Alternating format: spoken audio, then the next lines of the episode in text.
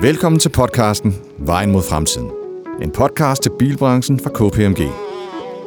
Her kan du høre om bilafgifter, lovgivning og den grønne omstilling i bilbranchen netop nu.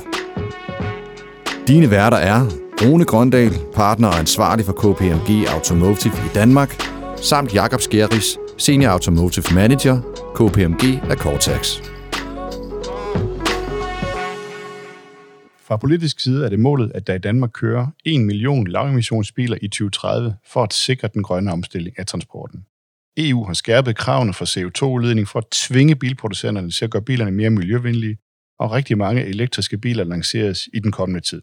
Indtil videre er der ca. 40.000 elektriske biler i Danmark. De er fordelt mellem elbiler og plug-in hybridbiler, og de betaler aktuelt en noget lavere registreringsafgift end biler med forbrændingsmotor.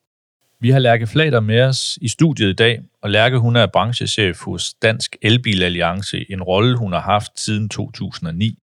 Det er brancheorganisationen, hvor medlemmerne det er virksomheder med interesse for elbilers udbredelse i Danmark. Lærke hun er særdeles kendt for at være en både aktiv, men også erfaren talskvinde for elbilerne. I dag der skal vi snakke om den vigtige opbygning af infrastrukturen, der skal understøtte ladning af de elektriske biler. Lærke, velkommen til. Tak. Du har jo fulgt elbilerne i mange år. Står vi nu over for et gennembrud her i Danmark for at få elbiler ud på vejene? Jeg vil sige, at øh, grundlaget for et gennembrud, det er til stede. I øh, juli måned, der blev der solgt, eller der udgjorde elbilsalget 16 procent af det samlede bilsalg. Mm.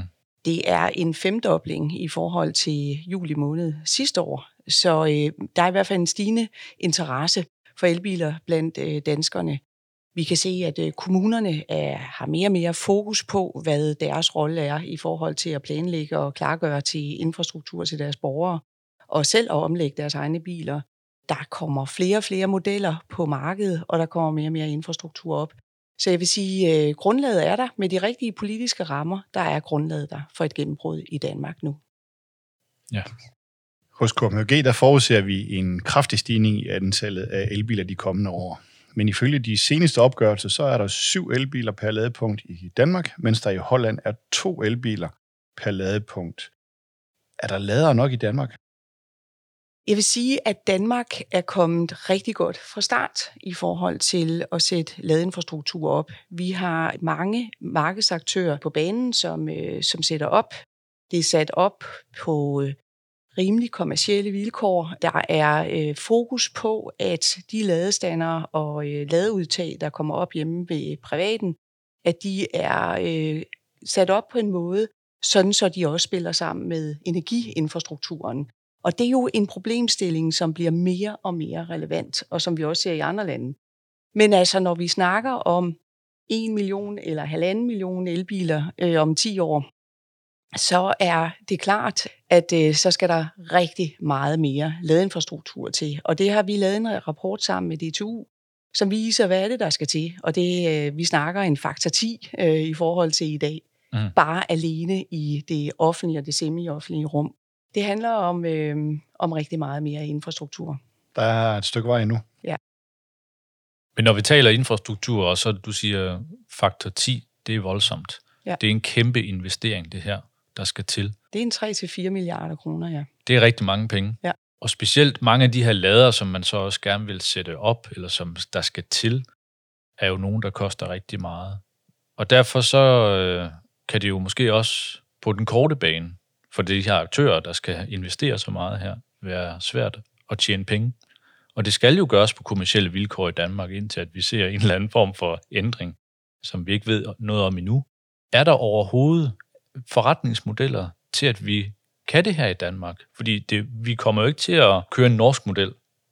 Nej, altså den norske model, det er jo der, hvor at øh, staten har finansieret den grundlæggende infrastruktur, mm. og så bygger de kommersielle aktører så videre oven på det. Mm. Nej, det gør vi ikke i Danmark. Det tror jeg øh, har nogle fordele. Det har selvfølgelig også nogle øh, ulemper i form af, at det her det er hønnen og ægget.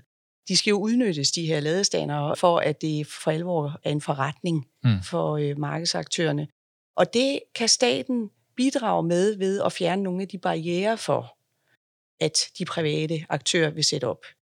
Når vi så snakker høn og ægget, så, er, øh, så har energiaftalen tilbage fra 2018 jo også lagt 500 millioner kroner til grøn transport.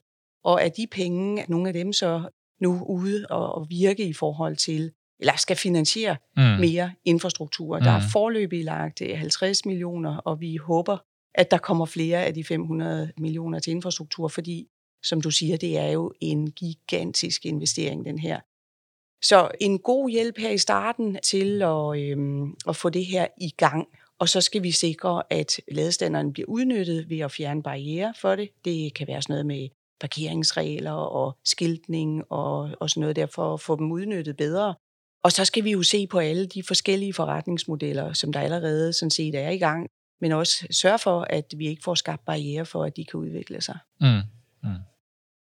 Nu er der undersøgelser, der viser, at hjemmeladning det er den mest oplagte for de 68 procent af os, der har adgang til, til parkering på egen matrikel.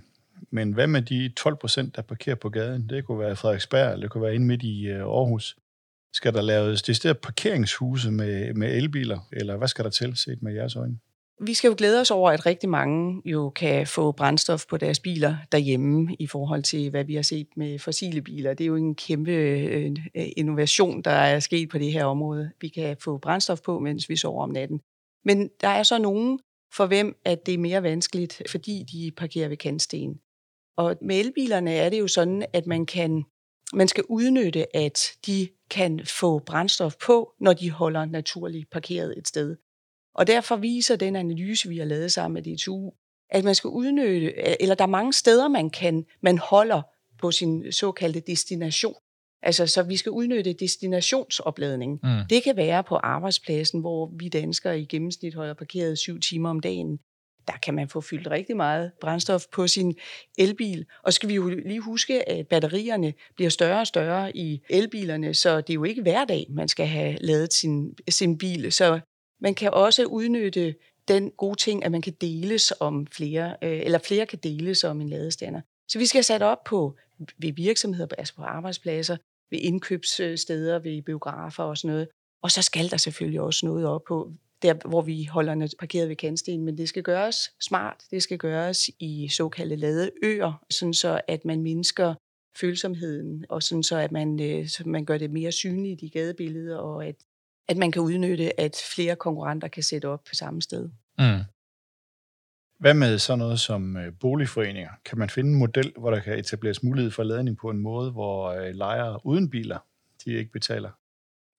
Det kan man sagtens. Mm, det er sådan set også allerede i gang med at blive etableret. Også kig her til Norge, at øh, i Norge har flere boligforeninger sådan set investeret i den grundlæggende kabling Altså sådan så, at parkeringspladserne er klargjort til en ladeboks.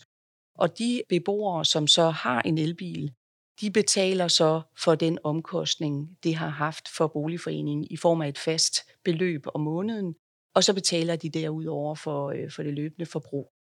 Så sådan et fast gebyr, så at sige, for at have adgangen til en ladeboks øh, på den fælles parkeringsplads, og så betaler man øh, for forbruget via den service provider, man nu, øh, mm. nu har til at, at servicere det. Lærke, vi når desværre ikke mere, men uh, tusind tak for, for din tid. Jeg synes, det viser, at infrastrukturen det er en hjørnesten i, at vi får rykket på det her i, uh, i Danmark med at få udbredt flere elbiler. Så tusind tak, fordi du kom. Det var så lidt. Tak.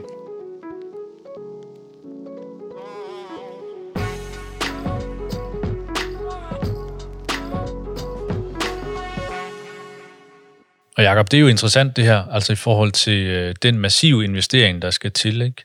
Og det er jo selvfølgelig klart, at dem, der skal lave den investering, er jo heller ikke interesseret i at overinvestere. Men de vil heller ikke underinvestere. De skal investere sådan lige, hvad der er behov for. Og så har du den der psykologiske effekt ude i markedet, i forhold til, at det er jo forbrugerne i sidste ende, der skal være med.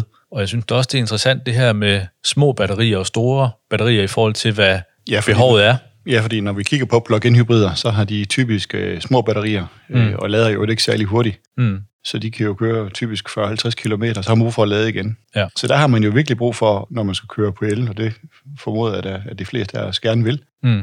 At så skal der jo stå lader. Der skal være lader mange steder, for at man kan gøre det. Det, der hedder destinationslader, som, øh, som Lærker hun er inde på.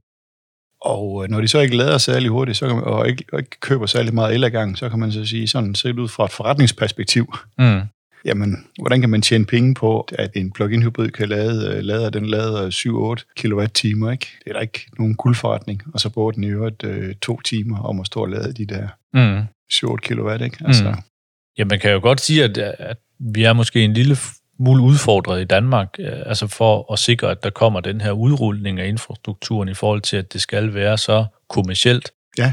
Altså jeg tror, der, der kunne der sikkert være kommuner, der var interesserede i at, at prøve at, at understøtte deres infrastruktur, men lige nu, der kan de ikke gøre det blandt andet på grund af deres kommunal fuldmagt. Altså det er ikke et område, som de kan gå ind i det her. altså, der er jo et sted, det er lykkes. Altså på Bornholm, det er jo så regionen, der øh, med EU-midler. Ja, ja, men det er jo også EU-midler. Ja, Det er jo et tilskud fra EU, Ja, og det kan vi jo ikke blive ved med at have på alle projekterne.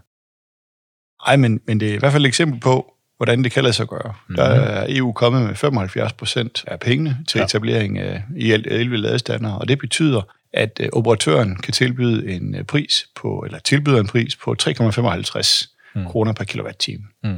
Og det er jo der, hvor, hvor det skal være, fordi kigger jeg på, på en plug-in hybridbil som min, jamen så kører jeg 15 km literen på en liter benzin og 5 km på en, en kilowatt-time. Ikke? Mm. Så, så, så det er sådan nogenlunde prislejet, hvor det passer. Mm. Det er de der 3-4 kroner for en kilowatt-time, øh, hvor, det er, hvor det passer Mm. prismæssigt. Mm. Så, så det kan godt lade sig gøre, men i, i ja, om det kan lade sig gøre uden EU Jamen, det vil jeg så at påstå, at det så umiddelbart ikke kan, fordi hvis der skal 75 procent EU-tilskud til, så er det jo svært. Ja, øh, så må de danske politikere jo gå ind og kigge på, øh, hvordan det kan lade sig gøre. Nu er der jo sat ja. midler til side til at investere i ladeinfrastrukturen, til blandt andet, i blandt andet hurtigladere langs, øh, eller lynlader langs motorvejene, så der er jo allerede i år sat nogle, nogle, nogle puljepenge til side, så der bliver investeret nogle offentlige kroner. Mm. Men det er jo ikke noget, der kan stoppe. Altså, hvis man, øh, øh, når Lærke taler om, at der skal 10 gange så mange offentlige lader til i 2030, Mm. øh, som vi har i dag. Det er jo ikke en spurt, det her. Det er en maraton. Mm. Der skal blive ved med at, at, at blive bygget lavet infrastruktur op til at understøtte den her grønne omstilling. Så det, er en, det kommer til at tage noget tid. Ja, så ser vi jo også, altså du kan sige, vi har jo en- forretningsmodellerne i dag, men vi kommer til at se ind i nogle forretningsmodeller, som vi ikke engang kender til i dag. Altså mulighederne er jo enorme i forhold til den traditionelle måde at tanke en bil på. Nu siger Lærke også at, at tanke brændstof, altså, men, Mhm. men, men det er jo reelt set el, du tanker ikke på din elbil, men der findes jo et hav af teknologi og man kan sige intelligente løsninger, hvor man kan sige, de forretningsmodeller, dem kommer vi jo til at se over en lang overrække fra nu af. Ikke? Der skal vi huske på, at vi må forvente, at det meste strøm, det bliver ladet, når bilerne holder ved det, der hedder, altså det, det, det er destinationslader. Det er det, vi har derhjemme, og det er det, vi har på vores arbejdsplads. Det er der, hvor bilerne alligevel holder stille. Der giver det mest mening at lade dem. Det er der flere årsager til. For det første, fordi vi ikke bruger bilerne, og for det andet, øh, fordi så kan vi lade med, med langsomladere, som er væsentligt billigere at, at stille op, øh, og som jo ikke belaster batteriet lige så meget. Så, så, så dem skal vi have stående øh, mange af rundt Ja. omkring. Og der møder vi ind i igen en masse udfordringer. Ikke? For eksempel, hvis vi bare tager din destinationslader på arbejdspladsen. Mm. Hvilken? Den har jeg ikke set. Nej, du har ikke set den. Nej, den Nej. er der ikke. Og hvorfor? Endnu. Nej, og, og, og hvorfor? Fordi at vi ryger ind i en masse, man kan sige, juridiske problemstillinger, som vi jo har siddet og kigget ind i. Der er beskatningsproblematikker og afgiftsproblematikker i forhold til det her arbejdsgiver-arbejdstagerforhold. Så der er en masse problemstillinger, øh, som også skal løses, før inden at det der det for alvor kan slippes fri. Ikke? Jo, men der tror jeg, at jeg, jeg hæfter mig ved, at Lærke, hun brugte øh, udtrykket forhindringer. Mm. Altså, Mm. der må politikerne jo kigge ind i, at de her forhindringer, som de nogle gange stiller, fordi de har fokus på provenyet, og at der er nogen, nogen måske, de føler, der kan snyde, at der bliver man simpelthen nødt til at sige, lige i forhold til lavet infrastruktur, der skal man gøre det enkelt og let, og ikke have travlt med at jagte proveny og beskatning, øh, ellers, ellers så kommer vi, kommer vi simpelthen ikke i mål med, med det her. Skal have lagt nogle rammer, sådan at man kan foretage den investering. Nogle rammer, der understøtter, at de her investeringer, de bliver foretaget lige præcis. Ja. Tak fordi du lyttede til podcasten Vejen mod fremtiden fra KPMG. Dine værter var Rune Grøndal og Jakob Skjerris. Podcasten udkommer hver anden torsdag. Læs mere om podcasten på kpmg.dk.